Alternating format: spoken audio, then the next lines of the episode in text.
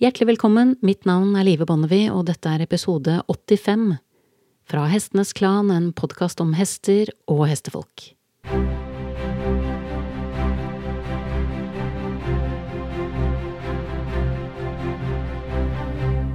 Jeg har vært den heldige eieren av to hester, og da jeg kjøpte min andre hest, temmelig nøyaktig 26 år etter at jeg kjøpte min første, så hadde mange av spillereglene endret seg.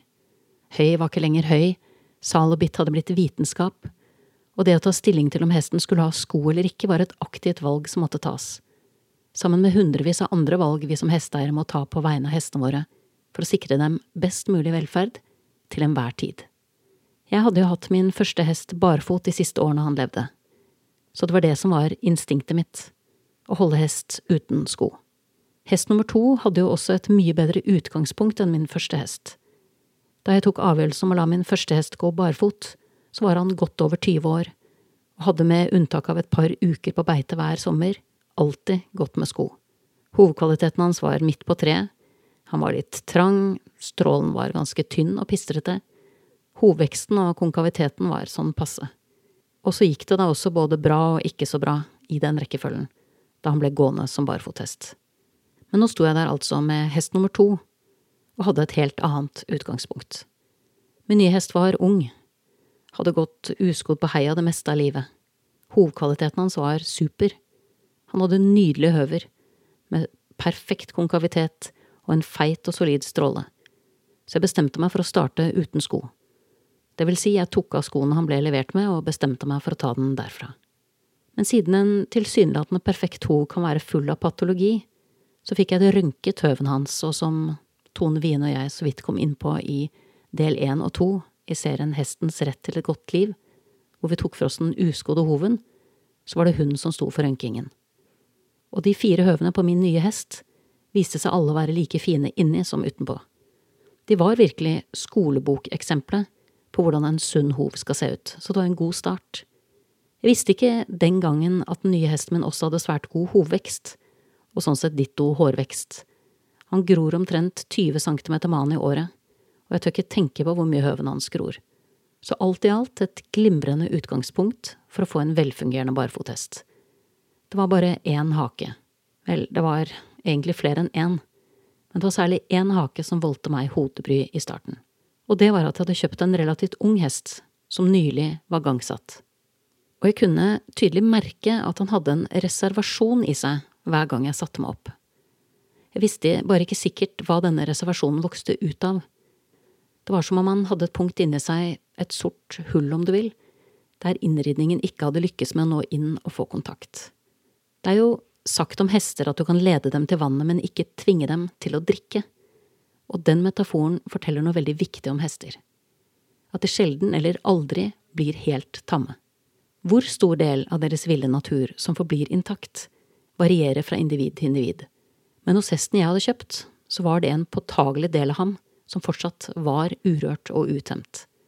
Sånn sett all mulig grunn til å berømme de som hadde tatt det første varvet ved innridningen, for de hadde ikke forsøkt å avtvinge ham noe han ikke hadde vært villig til å gi. Om de hadde et forhold til at han var en late bloomer eller ikke, det skal jeg ikke ha sagt, men jeg hadde et forhold til det. På papiret så sa alderen hans innridning, men psyken og personligheten hans fortalte muligens en annen historie en historie om at han kanskje ikke var klar. Det var nemlig noe som holdt han igjen. Denne litt sånn subtile reservasjonen materialiserte seg som en følelse av å kjøre med brekket på. Det kjentes nesten riktig ut, men ikke helt. Som om noe hele tiden holdt litt igjen. Nesten umerkelig, men like fullt helt umulig å ikke legge merke til. Det lignet litt en erfaring jeg hadde med min første hest, da han var ørlite grann sårbeint og ikke helt 100% komfortabel med høvene sine og min nye hest hadde noe av det samme. Men var det knyttet til de uskodde høvene, eller var nølingen en naturlig konsekvens av at han ikke var helt klar, eller at jeg ikke var helt tilstrekkelig i takt med hans indre natur? Jeg gikk ut og kjøpte de beste bootsene på markedet den gangen, for å se om det kunne bidra til å eliminere ett av alternativene, men det fungerte ikke etter intensjonen. For bootsene skapte også en form for støy mellom oss og så var jeg usikker på managementet rundt hovedhelsen hans. For var det noe jeg lærte i forrige runde med barfottest, så er det at det svært ofte krever en solid innsats hvis man skal ha en velfungerende ridehest uten sko. Og når man ser hva slags høver hestene har når de lever naturlig, hvor lett det oppstår patologi og andre utfordringer, så blir man ganske ydmyk med tanke på å få hoven til å fungere når du legger til en rytter på toppen. Det er så uendelig mange faktorer som spiller inn. Hva slags høver naturen har utstyrt hesten din med, er bare en bit av det. Så må man legge til hva slags underlag man tilbyr, hva slags fôr, hva slags temperatur og klima, hva slags beskyttelse, hva slags trim, som gir trimmingen av høvene så vel som trimmingen av hesten, og jo flere faktorer du har kontroll på, jo lettere er det å lykkes. Men som oppstallør, på en privatstall, så har man ofte et begrenset spillerom.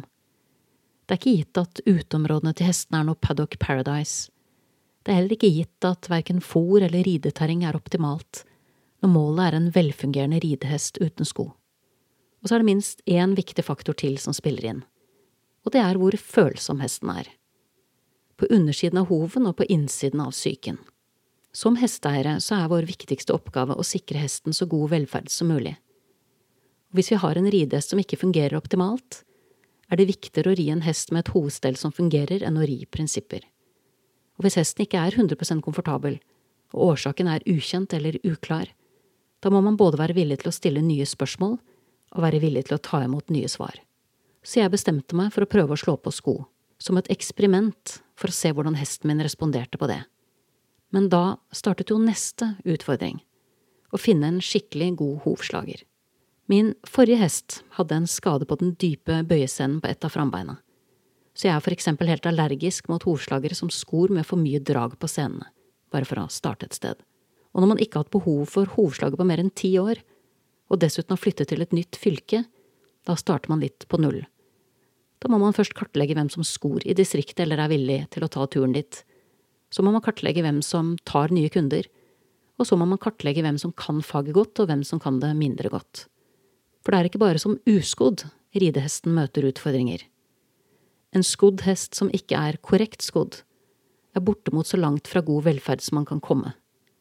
Og det bringer meg videre til del tre i det første kapitlet i serien Hestens rett til et godt liv der temaet er Den skodde hoven. Neste uke så tar jeg til planen en prat med hovslager Aksel Vibe, og da skal vi snakke om hva vi vinner, og hva vi taper ved å slå på sko på hesten. Du har nettopp hørt episode 85 fra Hestenes Klan, en podkast om hester og hestefolk. Takk til min faste komponist Fredrik Blom, og sist, men ikke minst takk til deg, kjære lytter, for tålmodigheten. Måtte hesten for alltid være med deg.